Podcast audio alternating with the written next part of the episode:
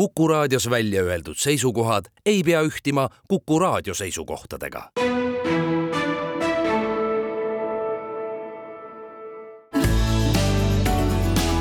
keskpäevatund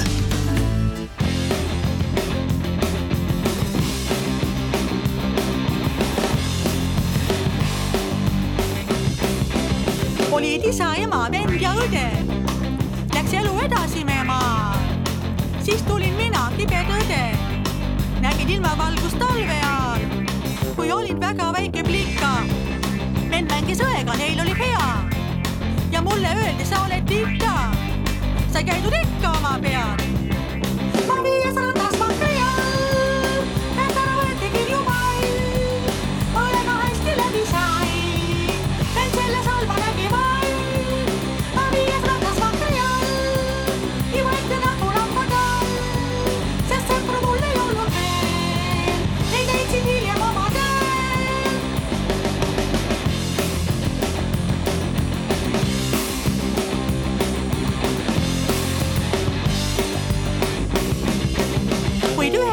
Päeval läksin ära. nii pikavõitu tundus teel, sest meelest unus koduvärav ja leidmata mul jäigi see. ma olin Vääna teivas jaamas, seal sõjamehed laulu lõid. üks onu sõber paistis taamal, kes eksin lapse koju tõi.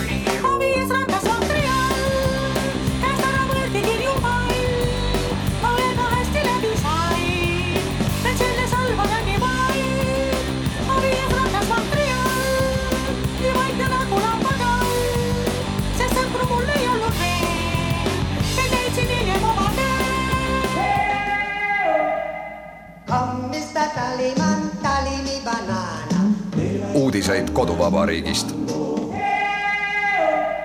tere, siin Keskpäevatund ja Kuku raadio Tallinna stuudios Aivar Ruussaar, Marek Strandberg. Maie Parrik ka, kes laulis Viies ratas ja meie vihje oli antud sõna otseses mõttes aiateibaga, sest ajakirjanikud intervjueerivad ikka veel Jüri Ratast, ehkki tema ju ei kandideeri Keskerakonna erakorralisel kongressil Paides kümnendal septembril. me oleme saanud terve nädala jagu seda suurejoonelist, isegi võiks öelda eepilist võitlust kõrvalt vaadata, kuidas kaks Keskerakonna tiiba üritavad avalikkusele ja teineteisele selgeks teha, kui tublid ja head nemad on ja kuidas teine pool siis äh, on selle võrra viletsam, aga tegelikult nagu elus tihtipeale võiks öelda, et pada sõimab katelt, ühed mustad mõlemad jah, see kümnenda septembri kongress Paides on ikkagi päris oluline selles mõttes ja huvitav, selles mõttes, et Keskerakond kindlasti ei saa loobuda sellest häältesaagist, mida kogu noh, näiteks Mihhail Kõlvart ja kas või Yana Toom. Ja enam kui tuhat delegaati peavad siis valima Kõlvarti ja Tanel Kiige vahel, vähemalt praegustel andmetel võimalik, et tuleb ka mõni kolmas või neljas kandidaat äh, juhatuse esimehe kohale, mida ma ei usu, aga jah, praegune Keskerakonna juht Jüri Ratas on öelnud, et ta seab oma lähema poliitilise eesmärgina järgmisel kevadel saada Euroopa Parlamenti. muidugi alati ju erakonnad lähevad raha pärast tülli ja võib arvata, et ega Keskerakonnas ju et kas Savisaare ajal olid need rahavood väga kirevad ja vaid tema teadis, kes, kellele milliseid lubadusi ta on andnud. Nüüd on see asi tunduvalt äh, selgemini välja joonistunud ja loomulikult nii-öelda noh, mis iganes seal taga on, kas Pruunsilla enda plaan või Pruunsilla räägitud jutt kellegiga siis ühest sellest Keskerakonna sisemisest tiivast, aga üsna selge on see, et küsimus on laiemas plaanis võimust ja ka võimust selles kontekstis, et ega ju kui Mihhail Kõlvart ütleb, et äh, ärme Pruunsilla pappi võta, tekib küsimus, kelle oma siis võetakse. ja see vaidlus, mis seal toimub või nojah, jääda mulje, et oi, me oleme kõik väga suured sõbrad, noh, Stalin patsutas ka Kiirovit ennem kui lasi ta mõrvata ja mis kõik veel, et ega see lavastus, mida me näeme, on ikkagi närvid on pingul, inimesed on üsna pinges ja ma arvangi, et ega nii-öelda sealt midagi normaalset ju välja tulla ei saa ja pigem nii-öelda on hea, kui see asi kulgeb kuidagi sellise lõhenemise ja selle suunas, et tekib mitu erakonda.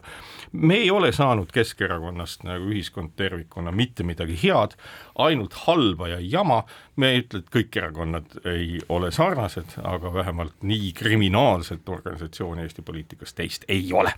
nojah, ma arvan, et Keskerakond ikkagi üritab Paide kongressil leida tee edasiminekuks Keskerakonna sildi all, see ei ole juba praegu Keskerakonda vaadates lihtne, aga noh, nad peavad selle katse tegema.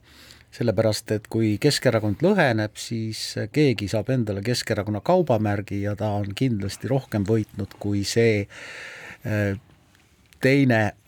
Keskerakonna kõrvale tekkiv erakond, ükskõik mis, mis nime ta siis kannaks ja kus siis on Tanel Kiik, Jaak Aab, Jaanus Karilaid, Taavi Aas ja ma ei tea, kõik.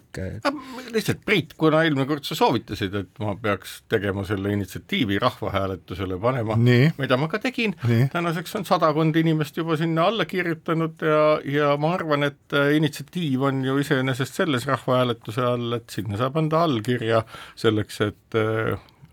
Riigikogu muudaks seadust ja ütleks, et kriminaalkorras karistatud erakond likvideeritakse. ja ma arvan, et see ongi nagu see tulevik, mille suunas meil tasub liikuda, sellepärast et need pinged, need ebamäärasused, mis ühe sellise no väga kummalist piiri pidi, Eesti-Vene piiri pidi ja mida iganes, kuigi nad ise seda eitavad, ei, ei, ei, seal ei ole mingit nii-öelda küsimust äh, keeles või kultuuris, Äh, jooksev nagu erakond, mis on samal ajal ka väga palju kurja teinud, no ei ole sellel kohta ühes tsiviilühiskonnas, no me võime öelda jah, et ega ega, ega väga palju selliseid juhtumeid ei ole, aga noh, ütleme Prantsuse revolutsioon giljotineeris inimesi, noh, see oli veel julmem, eks ole, kuidas vana mõtteviisiga toime tuldi, noh praegu on ikkagi seaduslikud ja tsiviilvõimalused olemas ja ma usun, et Mihhail Kõlvart suudab väga suure vene erakonna kokku panna ja, ja, ja ilmselt jääb seal ka Kiigele võimalus tekitada täiesti uus Eesti no,, Eesti noorte me võime vaadata kas või seda, mis toimus Soomes äh, nende põlissoomlaste erakonnaga, mis tõusis nagu äh, mõni teine, mõnigi teine populistlik erakond tõusis kuidas soome keeles öeldakse, maan uumenista ehk maa üsast tõusis üles ja siis vallutas ähm, väga võimsad massid endale. ja seejärel läksid tülli ja pooldusid ja väikese fraktsioon, väike, väike fraktsioon võttis terve selle suure partei endale üle, nii et ähm, niimoodi, niimoodi võibki juhtuda, mis puudutab konkreetselt seda Keskerakonda, siis praegu tundub, et see on juba selline selgelt marginaliseeruv erakond. et vaadates, kuidas nad on kohti kaotanud, kuidas nad on kaotanud nimesid, kes on hädavajalikud, sellepärast just nimelt nimed ja ja nende inimeste näod on need, kes sõnumit kõige paremini edastavad, aga praegu on jäänud selle asjaga üha üha hõredamaks ja hõredamaks, pealegi need on kahte leeri omavahel jagunenud, siis on see veel võlgadest ja igasugustest sisetülidest puretud, nii et paistab, et see kesk, minu pilgu järgi küll paistab nii, et see Keskerakond on pehkinud, on pehkinud ja ta on selline kokkuvarisemise ja kokkuvajumise teel ja see võib kesta veel, see võib kesta kaua, niikaua kuni ta langeb siis alla mingisugust äh, taluvuspiiri. Äh, valijate juures. nanoskopiseerub, lihvitakse ära väga väikseks osakeseks. ma mõtlen just, et Jüri Ratasele võiks soovitada ka, äkki tasub vaadata mõne teise erakonna poole, mille perspektiiv järgmise aasta Euroopa Parlamendi valimistel on parem, sellepärast et noh, nii-öelda ega tal ei pruugi sellist erakonda olla, mis teda toetab sinna minekul. nojah, muidugi poliitikast lahkumine nende Keskerakonna ühe või teise leeri nimede jaoks on ikka väga keeruline ja, ja tähendaks suurt muutust neile endale ja no dinosauruse väljasuremine oli ka omal ajal keeruline, aga ometi. ja oli küll, aga noh, ütleme, et äh, Keskerakonna kõrval, Keskerakond laguneb, selle kõrvale tekib äh, mingisugune teine erakond minu patenteeritud nimega, näiteks Eesti Mureerakond ehk EME loosungiga Meil on kõigil ühine mure. Äh, hea küll, noh, populismi on piisavalt palju, aga pildil püsimiseks peavad juba praegu pingutusi tegema nii Keskerakond, Eesti kakssada, ka Isamaa ja sotsid, et ennustan, et järgmise aasta alguse maksutõusud ja uued maksud peavad panema oma maine nimel veidi tegutsema ka Reformierakond, kes praegu tegelikult võib nagu üsna rahulikult vist olla, et noh, ka parempoolsed oli uus erakond. Reformierakonnast aga... rääkides siis, kui oli äh, sel nädalal oli Autoomanike Liidu juhiga oli Postimehes oli oli intervjuu ja muuhulgas ta siis äh, tuletas meelde, kui jutt oli automaksust ja muuhulgas tuletas ta meelde ka seda, et meie oleme need, kes ei kavatse ära unustada seda, eh, kuidas valitsus ei rääkinud, praegune valitsus või koalitsioon ei rääkinud enne valimisi praktiliselt midagi maksude tõus, maksutõusust. valimiste ajalgi ei rääkinud. ja rääkimata siis veel automaksust ja pärast seda siis me saime kogu selle sahmaka. ja ta ütles seal nii, et meie ei kavatse seda ära unustada, me oleme need, kes nelja aasta pärast seda meelde tuletavad ja nüüd, kui ma hakkasin selle peale mõtlema, siis ma näen, et tegelikult ühiskonnas on nüüd tekkinud päris mitmeid selliseid äh, huvigruppe, mis on üsna mõjukad, kes, kes on avalikult teatanud, nad ei kavatse seda ära unustada, noh üks nendest äh, huvigruppidest on kindlasti ajakirjandus, selle käibemaksu, ajakirjanduse käibemaksu tõstmise pärast, siis on äh, autoomanikud ja neid on veel ja veel, ehk äh, tavaliselt on ju poliitiline protsess kulgenud Eestis vähemasti nii, et äh,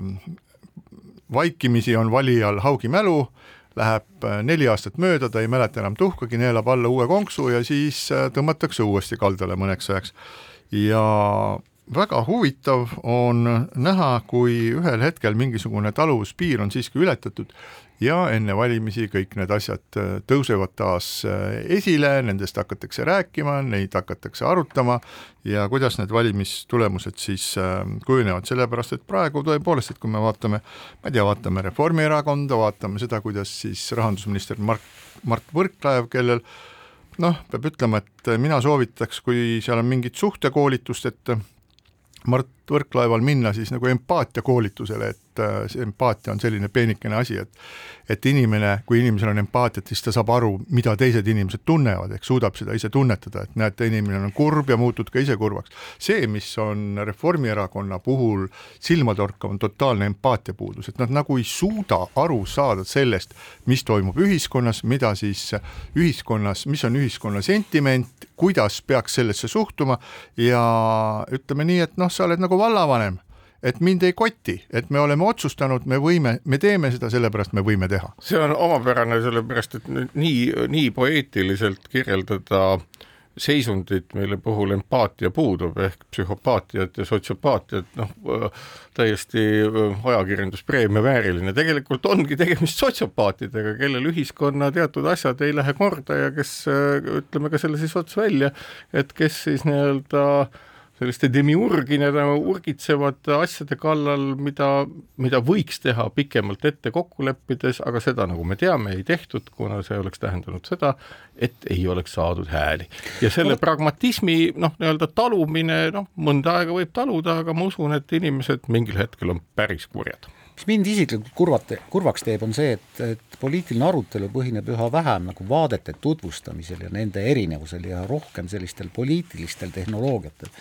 ja, ja noh, mina ei saa enam aru nendest lahustunud väidetest, et ma olen liberaalne konservatiiv või ma olen konservatiivne liberaal, et noh, kes sa siis tegelikult oled, noh, demokraadid õnneks on rohkem või vähem kõik meie poliitikud, aga kõik arutelud, mis nagu, kõik arutelud, mis nagu toimuvad, käivad nagu käivad nagu mineviku kohta või räägitakse sellest, et probleem tekkis siis, kui Reformierakond oli valitsuses või probleem tekkis siis, kui Keskerakond oli valitsuses kolm aastat tagasi või siis, kui meie ei olnud valitsuses, tekkisid probleemid, et tegelikult tegelikult sellist nagu tulevikuvaadet on tänases poliitilises debatis minu meelest Minu no ega ju, ega ju sellised, sellised kummalised laused, mis on tootnud nagu valimisedu, noh, pärinevad ju ka, et ma, keegi ütleb mulle, et personaalne riik, meie eesmärk on, Eesti kakssada näiteks, mis mõttes personaalne riik, et noh, ma saan aru, et et äh, Hiina liidril on personaalne riik, Vladimir Putinil on personaalne enam vist nii väga ei ole. ja ütleme nagu jah, et seal on ka väiksed tülid või, või et äh, sellel lausel ei ole täpselt nagu sa ütled, paljudel la loosungitel puudub igasugune sisu, puudub igasugune ideoloogia, puudub igasugune sisu ja probleemid ju iseenesest, mis lahendamist vajavad, on ikka jätkuvalt üleval, noh, me ju peaksime mingil moel kui kogu maailm, Euroopa sel moel, et keelatud tegevust karistada, Ameerika sel moel, et lubatud tegevust, tegevust premeerida ja toetada, liigume siis nii-öelda sellise rohelise pöörde või tööstuspöörde suunas. me peaksime nagu suutma, kuna see tööstuspööre on väga oluline, see kaasab endaga tohutul hulga inimesi, tehnoloogiaid, tootmist ja mida kõike veel, me peaksime selle pöörava ree või masina või mille iganes peale ennast kuidagi sättima ja ma ei näe seda kohta kus see tänasel hetkel siis mingisugusel ka retoorilisel moel, et keegi sellest sisuliselt räägiks, nagu satuks. me räägime sellest noh, kuidagi nagu märksõnadena, aga mitte plaanidena. no ja, ja, ja kui tulevikku vaadates üldse millestki rääkida, mida praegune valitsus välja pakub, siis on need maksud, maksutõusud ja uued maksud, seesama automaks, ma ei tea, kas me lahkame seda natuke. jaa, võib küll rääkida, jah. et äh, noh, nagu ka maamaksu kavandatav karm tõus, see automaks ei tähenda tegelikult automaksu, see, see automaks puudutab absoluutselt noh, ma arvan, üheksakümmend protsenti inimestest otsesemalt või kaudsemalt, isegi neid inimesi, kellel, kellel autot ei ole, sellepärast et automaks tähendab lõppkokkuvõttes ka vorsti hinna tõusu ju, ju ähm, ja noh, see, et Reformierakond on nimetanud automaksu õilsa eesmärgina loodushoidu ha, ha, ha. ja vähendada aut, autostumist linnades, noh see täpselt, Marek, su reaktsioon on täiesti õige. see on, ütleme niimoodi, et see oleks, ma arvan, et mõne siis ähm, Reformierakonna empaatiavõimetu ideoloogi meelest oleks see nii-öelda kaasuv hüve et see ole nagu eesmärk, et me kõik teame väga hästi, et kuidas miks see ähm, automaks on üldse lauale tulnud, seda on Reformierakonna poliitikud ise öelnud. meil on vaja sada kakskümmend miljonit eurot, sellepärast et meil on vaja riigikassasse raha, nii, kuskohast me selle võtame, me teeme automaksu, kusjuures see kõik algab siis nii-öelda sellest, et meil on vaja mingisugune hulk raha, meil on üks hulk, noh, nimetame neid nii-öelda ohvriteks, kellele see maal, maks siis kaela pannakse ja siis palun väga, et nad sellise saavad, et Eestis on umbes kaheksasada viiskümmend tuhat sõiduautot kokku. Eh, ja hakatakse maksustama nii igasuguseid sõidukeid, nii sõiduautosid, busse, veoautosid, mootorsaane, ATV-sid, maastikusõidukeid, eh, millises osas need maksud tulevad, et mitu osa sellel maksul on, et kas on mingisugune perioodiline maks ja siis ükskord ostmisel või tont teab, võib-olla ka müümisel, et see on teadmata, et kas ja kuidas seal arvestatakse siis ka saastamist ja seda ei arvestata, on ka välja öeldud, et tehakse automaks hästi lihtne, soetamisel ja igakuise maksena. no vot, ja siit tekib uus küsimus, et kui Reformierakond on nimetanud automaksu õilsa eesmärgile loodushoidu, ja kui tegelikult automaks on samasugune nagu kümme aastat vana saunasuurusel viieliitrise mootorimahuga diislikütusel maasturil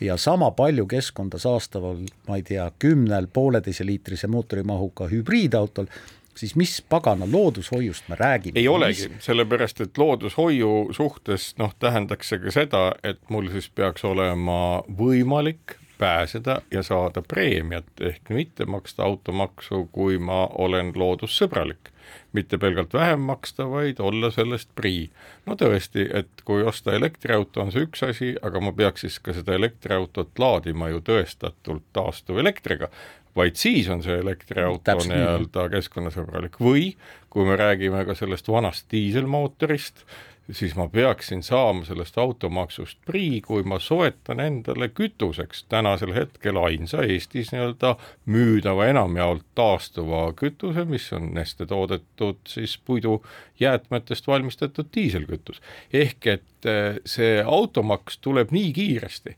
et mitte keegi ei jõua täna seda selle maksu ökoloogilist mõju ja muutust majandusele isegi analüüsida, see tuleb ülejala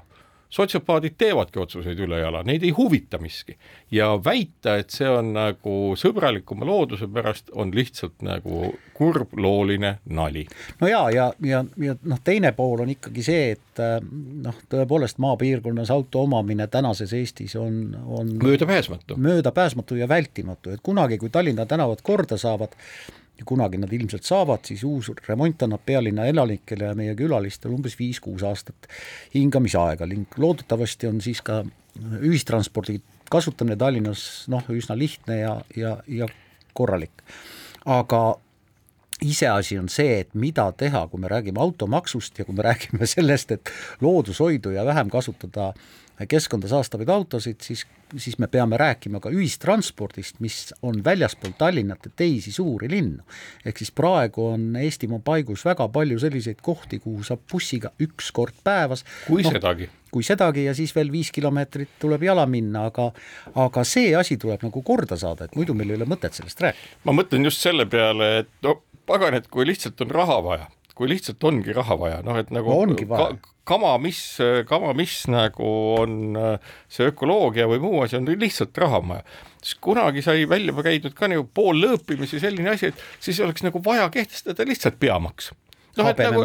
habem, ei ikka peamaks, ei, ei peamaks, peamaks, et noh, nii-öelda lihtsalt kodanikud makske sellepärast, et riik on, riik on seisundis, kus nagu raha ei ole, sellepärast et ei ole mõtet ronida mingite nii-öelda maksude taha, mille puhul öeldakse, näete, see on selle jaoks, et te ökoloogilisemalt käitute ja sealt ei ole võimalik aru saada, kuidas see käitumine peaks tulema, ei tulegi. ja siis noh, ongi peamaks, aga teine küsimus on ju milles, me oleme täna olukorras, kus me näeme nagu vajadusi kasvavat majandust majanduses noh, hästi igasuguseid, küll kaitsevajadusi, küll muid asju, uute tehnoloogiate tootmisvajadusi. minu küsimus on lihtsalt see, et kuidas me oleme nüüd ühtäkki maha maganud selle, et suure pöörde künnisel ei edene Eestis mitte üks tööstusharu sellisel moel, et see kasvataks majandust. kusjuures vajadusi globaalselt, me saame aru, küll energiatehnoloogiate, kaitsetehnoloogiate järgi on meeletu. me oleme poputanud oma ettevõtteid kõikvõimalike abirahadega nendes valdkondades ju väga pikka aega. vilju ei ole, mida on osutanud ka Riigikontroll puhkudel, kui näiteks on jutuks olnud ettevõtte arendamise sihtasutuse tehtud panused. nii palju, kui on antud, nii palju on majandus kasvanud, täpselt selle toetuse võrra. ja me oleme nagu laiemalt olukorras, kus need, kes on rääkinud liberaalsest majandusest, mis tähendab tegelikult ju kaubanduse ja tootmise edenemist, on ühtäkki sattunud samasse olukorda, kus nui neljaks kehtestatakse makse. viitasid Riigikontrollile, tegelikult Riigikontrolli üks viimaseid auditeid oli, oli väga märkimisväärne. riigikontroll juhtis tähelepanu ju sellele, et väga paljud ettevõtted ja ka riigiametid, mis on saanud riigilt tuge või toetust, nende toetuste kasutamise kohta on väga raske leida infot, kui seda üldse on võimalik leida, ja teine asi, et väga paljudel juhtudel on tegelikult kirjeldamata need eesmärgid, mida selle riigilt saadud rahaga siis tehtud on või kuhu jõutud on. aga ühest asjast saab alati raha taotleja aru, tal on raha vaja no jah. jah, ja, ja ta ei põhjenda seda ja praegu on täpselt sama olukord, et raha on vaja seda põhjendatakse väga nõrgalt kõikvõimalike ökoloogiliste argumentidega, aga lõppkokkuvõttes meil ei õnnestu ka seda tuvastada, et kui see automaks on kehtinud ja kehtinud, ütleme näiteks esimesed kolm või viis aastat, siis ma ennustan, mitte mingit ökoloogilist keskkonna paranemist või kasvuhoonegaaside vähenemist. no jaa, aga kuskilt tuleb see miljard ju saada. kust? hea küsimus, me oleme Postimehe, Postimehe ajakirjanikud on küsinud paljudelt poliitikutelt millised kärped tulevad? Äh, üldiselt käivad jutud sellest, et ametnikud on valmis palju rohkem kärpima, ametnikud olevat valmis kärpima selle miljardi tõepoolest ära, mitte sellise viiekümne miljonilise naeruväärse jutuga, nagu valitsuse poolt tuleb, aga kui sa lähed ametnike käest küsima, kuidas selle suure kärpega on, siis on kõik vait nagu kalad vees. Ja mitte sõnagi ei ütle. küllap kardavad midagi, aga siinkohal väike paus keskpäevatund. keskpäevatund jätkab, Ainar Ruussaar, Marek Strandberg ja Priit Hõbemägi ja räägime nüüd ühest sellisest teemast, millest me oleme siin juba palju rääkinud ja mis võib-olla hakkab jõudma mingisuguse loogilise lõpuni. teatavasti paljud inimesed mäletavad veel sellist riiklikku lennufirmat nagu Estonian Air, mis oli suitsupääsukese logoga, mis lendas äh, kõikvõimalikesse kohtadesse ja mis äh, ilusatel aastatel, mis on juba paraku selja taha jäänud, kehastas endas siis Eesti riigi tõusmist ja rahvusvahelistumist. ja siis hakkasid äh, toimuma kummalised lood, suurenes konkurents Euroopa lennundusturul ja Estonian Air või Air jäi üha rohkem serva peale ja serva peale ja lõpuks läkski siis see rahvuslik lennufirma läks pankrotti, sellepärast et Juhan Partsi valitsus oli andnud sellele suure toetuse ja Euroopa Komisjon otsustas, et see oli lubamatu riigiabi, kaheksakümmend viis miljonit oli vaja tagasi maksta, seda raha Estonian Airil ei olnud ja firma läks pankrotti, aga kogu nendest, nendest jäänukitest, mis siis sellest järgi jäid, tehti siis ähm, hoopistükkis selline asi nagu transpordi varahaldus, kuhu kõik need ähm, lennukid, mida on seal kuskil umbes kümne ja kahekümne vahel, kuhu need läksid, kuhu läksid siis ka piloodid ja palgati Rootsist siis ähm, härrasmees Jan Palmeer seda kõike juhtima. Ja tänaseks päevaks oleme me jõudnud sellisesse olukorda, kus tõepoolest see rahvusliku, praegugi riigile kuuluv firma ei lenda Eestis mitte kuskilt mitte kuhugi, sellega ei saa Tallinnast mitte kuskile sõita, küll aga see firma tegutseb kuskil Rootsimaa võsas ja lendab siis ühest äh, pisikesest äh, kohast teise ja ütleme, teenib ja nagu aeg-ajalt me võime mingisugust, selle firma nimi on siis Nordic Aviation Group ja võime siis äh, aeg-ajalt üle, üle viie aasta me võime kuulda sellist uudist, et ohoo, et Nordic Aviation Group on nüüd kasumis, et kahe, kahe tuhande kahekümne teisel aastal oli siis see kasum oli üks koma neli miljonit, aga siin tuleb arvestada seda, et lihtsalt ähm, kui neid uudiseid ette loetakse, siis keegi ei ütle teile seda, kui palju see firma on eelmistel aastal kahjumit tootnud, nii et kui, kui võtta kokku kõik need, kõik need summad, mis sinna Estonian Airi sisse on pandud, siis mõnede arvutuste kohaselt see võiks olla umbes kolmsada seitsekümmend miljonit nojah, vot sinu poolt mainitud äh, number, äh, kasumi number, on see siis kasum või, või on see ainult äh, mingisugune soovunelm, et peegeldada või vähem peegeldada eelmiste aastate kahjumit? operatiivne kasum, sa võid nagu ja. oma tegev, tegevuskasum, sa saad mingisuguse, ühel aastal saad mingi saad, saad tüütust varast lahti ja naksti. ja müüd midagi maha või, või saad miljoni, aga sul eelmine aasta on miinust viis üle-eelmisel kuus ja siis no, on seitse ja kümme ja nii edasi ja nii edasi Ehk.... rahvus, rahvusliku lennukompanii kasum, aasta kasum natuke üle ühe miljoni on ikka iseenesest juba, juba väga naeruväärne, aga aga see on tegelikult tõesti probleem, et et Tallinnast on üha raskem ja raskem üldse kuhugi leiata, lennata, jätame Nordica, Nordica kõrvale, Nordica ei lenda siin tõepoolest, aga kui Air Balticut ka ei oleks, siis võib, võib öelda, et siis sisuliselt nagu Tallinnast enam kuhugi lennata ei saa. Tallinna lennujaam on küll kuulutatud Euroopa kõige ilusamaks, seal on yeah. tore käia kohvi joomas, aga lennata sealt varsti ei saa. jaa, aga selle Nordica selline huvitav aspekt on see, et nüüd on siis äh, kliimaminister teatanud, et äh, Estonian Airi järglane siis äh, mis ta nimi nüüd oligi, Nordic Aviation Group ja selle, mille all siis omakorda on veel see äh, transpordi varahaldus, mille all omakorda on veel ähm, see kaubamärk X-Fly, nii et seal on paras selline pundar ja igalühel neist on mingisugune oma tegevus, et see läheb erastamisele. Ja tõepoolest, et ehk seda erastamise juttu on räägitud juba küll Juhan Partsi aegadest äh, saati, aga väga pikka aega oli siis poliitikutel oli selline nagu kramp sees, et ei, meil on vabariik ja nüüd meil peab olema oma riiklik lennufirma, isegi siis, kui keegi ei tahtnud selle lennufirma pidamise eest maksta, siis äh, tekkis olukord, kus ei saanudki maksta, sellepärast see oleks olnud äh, riigiabi, mis ei ole kasutamiskõlbulik ja nii edasi ja nii edasi. Ja samal ajal lükati seda erastamise küsimust edasi, erastamise puhul on no ütleme nii, et kui seal on äh, liinilepingud kahekümne seitsmenda, kahe tuhande kahekümne seitsmenda aastani, piloodid ja lennukid on koormatud, seal on lennukid, struktuur, piletimüügisüsteem, mis iganes kõik on, et see oleks kindlasti selline päris magus kaup, sellepärast et äh, nullist alustada lennufirmat Euroopas on väga keeruline. aga nüüd on küsimus kindlasti selles, et kes sellise mm, magusa teatud mõttes siiski sellise magusa vilja endale nopib ja mina julgen teha sellise ennustuse, et äh, Jan Palmeer, kes palgati siis kahe tuhande kaheteistkümnendal aastal juhtima seda lennufirmat. tema tuli nimelt seda juhtima pärast seda, kui seal oli üks äh, ülikuulus Soome spetsialist äh, Tero Taskila, kellele maksti omal ajal müstilist äh, palka kolmkümmend kolm tuhat eurot ja selle raha eest võis, tema ühe kuu palga eest oleks võinud osta endale Tallinna kesklinnas korteri ja loll, kui ta neid ei ostnud, aga kes jõudis Estonia, Estonian Airi raha eest siis ka poputada mingisuguseid Soome hokimeeskondi. Palmeer tuli pärast teda, sai kakskümmend tuhat eurot palka ja hakkas nende asjadega tegutsema. nüüd teatas Palmeer, et ta soovib, soovib lahkuda oma ametist ja need on nagu kaks asja meil, ük-, ühe, ühelt poolt on teatanud Palmeer, ta soovib ametist lahkuda, teiselt poolt ütleb siis kliimaminister äh, Michal, et äh, nüüd me erastame. ja kui sa paned kaks ja üks ja üks kokku, siis ma ütleksin, et äh, Estonian Airi järglase erastab selle praegune juht Jan Palmeer või temaga seotud ettevõtted või miks ka mitte, tegelikult Eestis on ju lennundusettevõtjaid teisigi, kes on olnud ülimalt kriitilised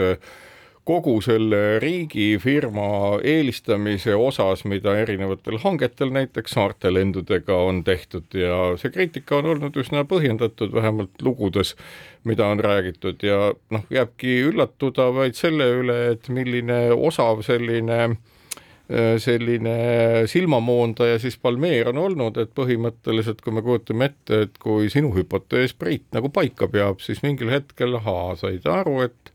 võis ta aru saada, et noh, et nüüd on põhjust nii-öelda ettevõtet mitte enam väga hästi näidata, kusjuures ta intervjuu, mille ta andis, noh, seal olid ka ju välja võimalik lugeda Postimehes avaldatult, et kõik teised olid nagu süüdi selles, et ei olnud seda, teist ja peab raha nuiamas käima. Ja selles osas nagu ettevõtte juht, eraettevõtte juht, kes noh, nii-öelda räägib, et kõik teised on kuidagi nagu valesti midagi teinud, aga vot noh, tema ujus selles lennundusvaldkonnas väga hästi, tekitab nagu kõhklust. Ja mulle tundub, et antud hetkel võiks isegi olla ju niimoodi, et loomulikult mingeid piiranguid ju ilmselt tekitada ei saa, aga inimene, kes on nagu kõikvõimaliku siseinfo omaja, Estonian Airi või selle praeguse siis äh, lennundusettevõtte suhtes, mida Michal müüa soovib, et ma pigem nagu ütleks, et vist ei ole õige, kui see inimene nii-öelda otse või kaude saaks seda ettevõtet erastada, kuna tal lihtsalt on niivõrd palju siseinfot. nojah, tema, tema infopagas, millele sa viitad, noh, me ei tea, kas ta kavatseb erastada, aga tema infopagas kindlasti on on Nordic Aviation Grupi suhtes suurem kui võimalik paljudel teistel nendel, kes soovivad rahvuslikku lennukompaniid ära osta, aga minu jaoks on see natuke naljakas, et sellest rahvusliku lennukompanii äh, erastamisest on räägitud vähemalt kakskümmend aastat ikkagi perioodiliselt ja kuhugi ei ole jõutud, leedukad erastasid aastate eest oma rahvusliku lennukompanii, mitte midagi ei ole juhtunud, ei pea kindlasti olema riiklikku, äh, riiklikku lennukompaniid sellisel väikesel riigil nagu Eesti, äh, see lennundusturg on piisavalt äh,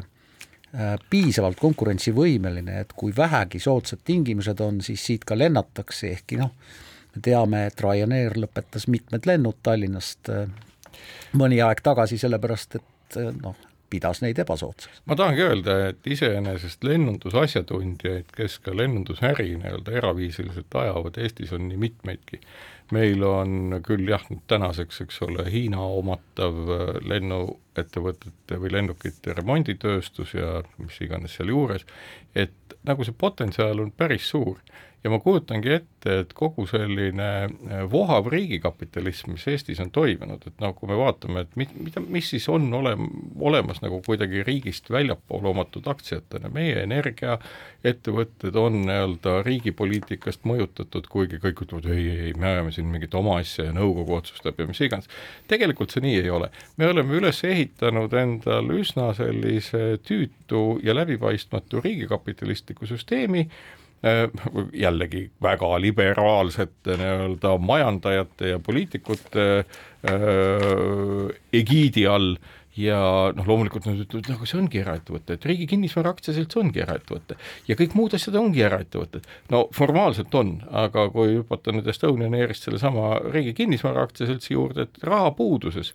ei saa ministeeriumid ega valitsus vara müüa, kuna see vara on kingitud Riigi Kinnisvara Aktsiaseltsile. selle asemel, et müüa vara, millega mitte midagi peale pole hakatud, nuumatakse sedasama Riigi Kinnisvara Aktsiaseltsi, mille tähendus aina segasemaks muutub ja öeldakse kodanikele, aga teie makske nüüd makse juurde, et me saaksime oma seda riigikapitalistlikku majandust edasi edendada. ja selles mõttes see tervikpilt ei ole üldse hea ja mõttes, et kui nüüd seesama ka lennuettevõte, no mis enam ei ole nagu nii tsentraalne, kuna ta on noh, ilma jäänud väga paljudest nagu nišidest ja võimalustest, erastada on õige, aga nii-öelda riigi omandist välja tuleks müüa ka paljusid teised võtted. ma lisaks siia veel seda, et taolisi erastamisi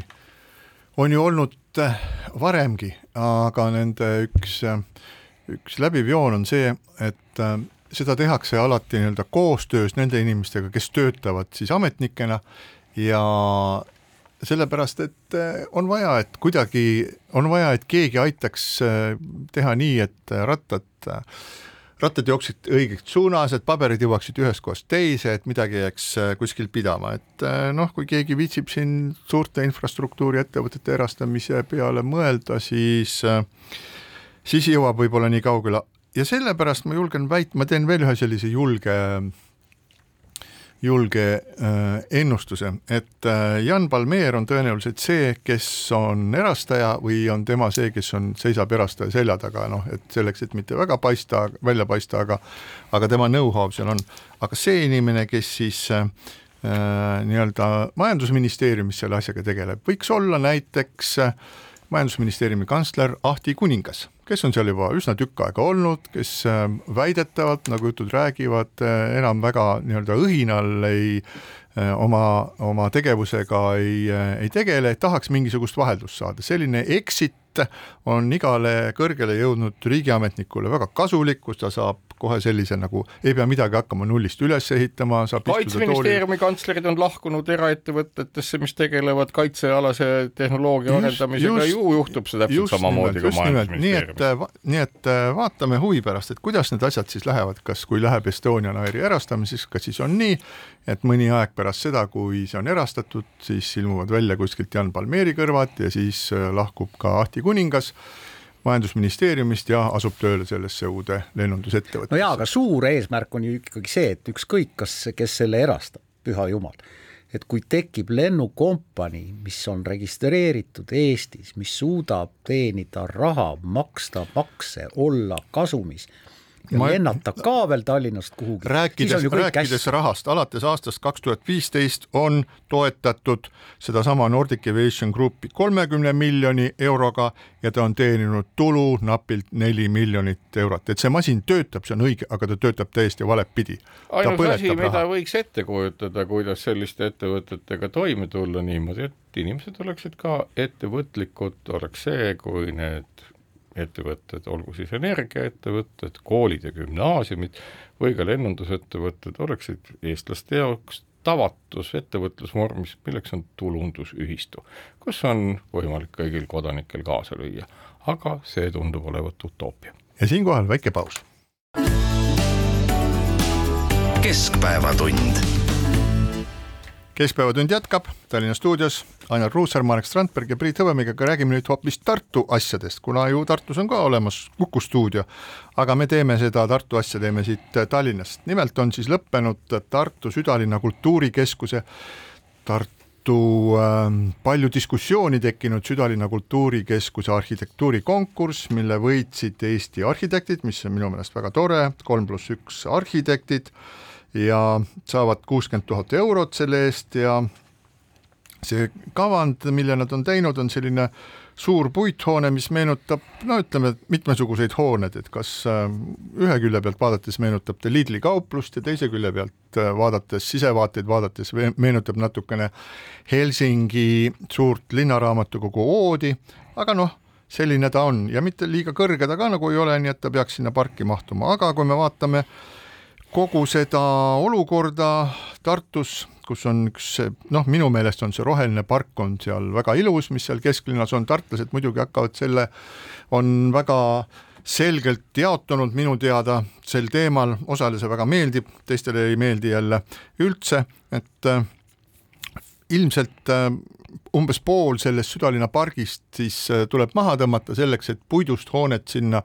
asemele ehitada ja tõenäoliselt see hoone ei ole mitte nendest puudest tehtud, mis sealt äh, maha võetakse.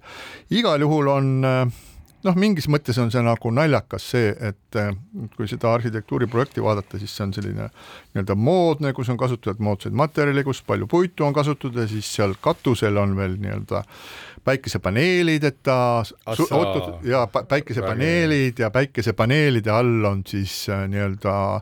on murumatt, millel kasvab siis kukehari. Ja nüüd, kui me lihtsalt kujutame endale ette seda, et me tõmbame maha selle kultuurikeskuse suuruse maa-ala puudest tühjaks ja siis äh, istut-, ehitame sinna kohale maja ja katusele istutame kukeharja ja siis ütleme, et me oleme nüüd omadega plussis, et see on loodusele väga kasulik, et see kukehari seal on, et see on see nii-öelda me parandab meie keskkonna ja meie keskkonna puhtust, siis ütleme ausalt, see on üks täielik möga. See.... jah, vot, vot selle ehitamisega on nagu on ja noh, Tartus, Tartu kesklinnas eriti, et ei saa öelda, et Tartu ei oleks roheline linn, et Tartu on minu meelest väga armas roheline linn ja see, see tõepoolest, see kesk, kesklinna park ähm, on, väga oluline, aga, aga sinna samasse piirkonda on ju varemgi ehitatud äh, uusi hooneid, noh seesama ehitis, mida tartlased, kaubanduskeskus, mida tartlased kutsuvad äh, irooniliselt Tallinna Ülikooli Tartu esinduseks, eks ole. või Tallinna Kaubamajaks. või Tallinna Kaubamajaks jah, ja, ja, ja noh, selle kõrval laiuv tohutu parkla, kus noh, varem oli ka rohelust küll ja veel, et seal ka... seal kohal, seal pargi kohal muide oli enne, enne venelaste pommitamist oli mingisugune seal olid ehitised loomulikult ja, ja Tartus on olnud ju mitmeid ehitisi mujal. aga ma tahtsin jõuda selleni, et noh, vaidlused siia või sinna, et kui ju see südalinna kultuurikeskus sinna ikkagi rajatakse ja sinna tuleb, ju sellega harjutakse ära, võib-olla ta näeb isegi linnaruumis hea välja ja noh, unustatakse ära see, et seal kunagi oli, oli park, sinna ümber natuke park jääb äh, selle Barclay de Tolli ausamba ümber ju ka pärast selle maja valmimist. ma just mõtlen seda, et ja Toome mägi hakkab ka kohe üle tee. jaa, Tartus elas vist äh, kakssada aastat tagasi umbes kuus tuhat inimest või natuke rohkem, noh ega Helsingi ka ei olnud siis oluliselt suurem ja Tartus on ju olnud väga erinevaid selliseid äh, piirkondi, mis on siis nagu muutunud looduslikumaks ja nii edasi, nii edasi. nüüd tänasel hetkel see pilt on hoopis teine ja noh, üldiselt linnaplaneerimistes maailmas küsitakse nagu lihtsat küsimust, et kui kusagil on olemas noh, jällegi, et kui me hindame seda, millised saavad olema linnade kõige suuremad probleemid, sest need on tänasel hetkel kliima soojenemise kontekstis kuumasaared. ja Priidu küsimus on õige, et kui nüüd ehitada nii-öelda tervikliku ökosüsteemi asemele, noh, mis ikkagi puud, haljastus ja muu selline on, mis pakub varju, mis pakub jahedust, märkimisväärset jahedust, ehitada siis maja, mille katusel on natukene kukeharja ja veel mõningad mida ümbritsevad kiviplaadid. jah, ja, ja, ja, ja, ma arvan, et tegelikult selle noh, nii-öelda probleemi süvenemine, mis on linnades toimetulek, nagu, nagu ei lahene karvavõrdki. ja linnades on öeldud väga paljudel puhkudel just nimelt seda, et just nimelt kesklinnades on vaja kohti, kus inimestel oleks võimalik, noh, kuna inimesed kesklinnas liiguvad, ka oludes, kus on siis tugevad kliima soojenemise ilmingud, toime tulla. ja seda kindlasti see hoone ei taga, noh esiteks ei ole ta nii-öelda ju kõigile avatud ja mis iganes veel, et me ei tea selle lahendust, ja ma arvangi, et see on nagu selline viimane, viimane karje, et meil on väga-väga selliseid asju vaja, noh, me teame seda, et üldse füüsiliste ruumide, füüsiliste kontorite ja mille kõige järele tõenäoliselt lähiajal vajadus väheneb massiliselt. Kõik ettevõtted arendavad rööbiti, kes on infotehnoloogiaga seotud, küll kõikvõimalikke metaversumeid ja virtuaalreaalsusruume,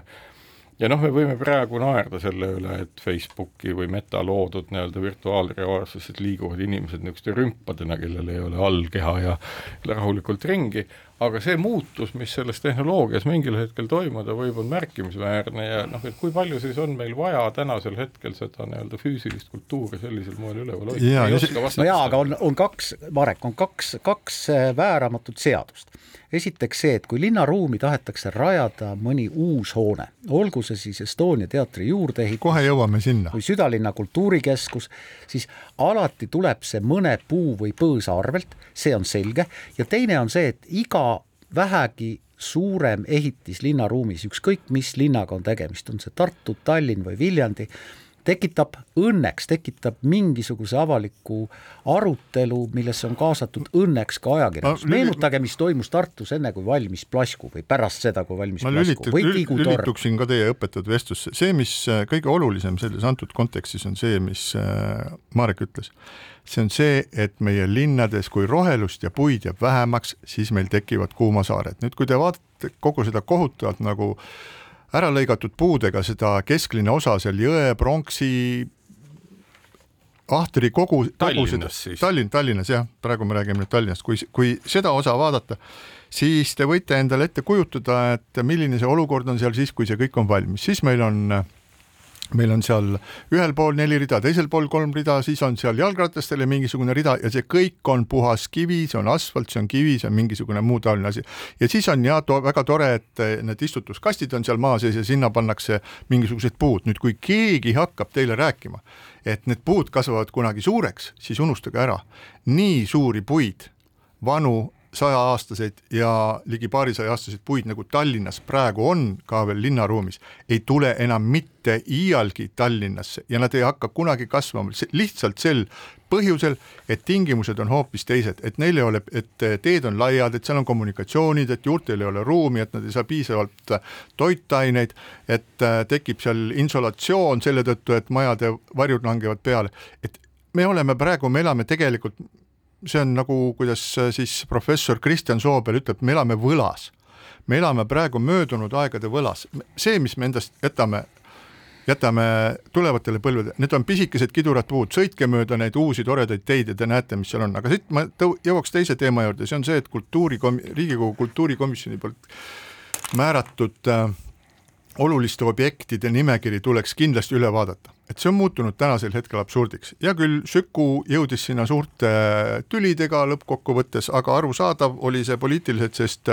Urmas Klaas ja Aadu Must, ehkki erinevatest erakondadest, võitlesid mõlemad Tartu ees ja see Süku sinna sisse sai, see oli selge, et Aadu Must selle sinna sisse lükkas. aga nüüd, kui me, sa mainisid seda Estonia juurdeehitust, mida ja lugege mu huultelt kõik selle juurdeehituse pooled, seda juurdeehitust ei tule sellesse kohta mitte kunagi, sellepärast Eesti Vabariigis on kolm erinevat seadust hetkel, mis täiesti otsesõnu keelavad sinna ükskõik mida ehitada. Ja ma ei saa tänase päevani aru, terve suur hulk kõrgelt haritud ähm, äh, tarku inimesi, paljud neist muusikud teevad näo, et seadus ei ole et sinna kohta ei tohi ehitada, kuna see on bastinaalvöönd, vöönd ja muinsuskaitsevöönd ja rää-, ja kirjutavad ajalehtes sellist juttu, et no lepime ikka kuidagi omavahel kokku, et saame siin siis äh, linnavalitsuse äh, inimesed ja siis Estonia inimesed istuvad maha ja räägivad ja, ja mida? Ja siis sõidavad üle kolmest seadusest. linnapea Mihhail Kõlvart on öelnud no way seda ei tule, aga siiski proovitakse. Ja selles mõttes tuleks see Estonia sealt nagu välja visata sellest nimekirjast, aga seda, kuna see on seadus, siis seda peab tegema Riigikogu, Estonia välja visata ja vaadata, mida seal siis nagu võiks veel nokitseda, praeguse seisuga seal raha koguneb, midagi ehitada nagu peale selle Süku ei saa aga võib-olla oleks vaja ehitada mingisuguseid äh, muid olulisi hooneid, millel on, mis on olulised Eesti Vabariigile, võib-olla see on näiteks meil on vaja koole ja lasteaedu, mis on üsna selge, vaatamata sellele, et on niisugune demograafiline auk tulemas, see auk süveneb, mida vähem perspektiivi inimestel, kes vaatavad, kuhu nad oma lapse saaksid panna. meil pannakse küll koole kinni, mitte ei ehitata juurde. jah see on nagu kahjuks nii ja selles mõttes mitte ükski kultuurikeskus ei korva tegelikult neid fundamentaalseid probleeme, mis mujal tekivad. üks moodne kool tegelikult ongi väga korralik kultuurikeskus ka, vähemalt nii võiks seda olla, nii et tegelikult need kaks asja saab ühelda. ja riigigümnaasiumid väga paljudel puhkudel just seda ka endast kehastavad. Nii on. Ja head kuulajad, aitäh, et te kuulasite meid täna, oli, meil oli huvitav, loodame, et teil oli ka. Ilusat nädalavahetust ja kohtume taas keskpäevatund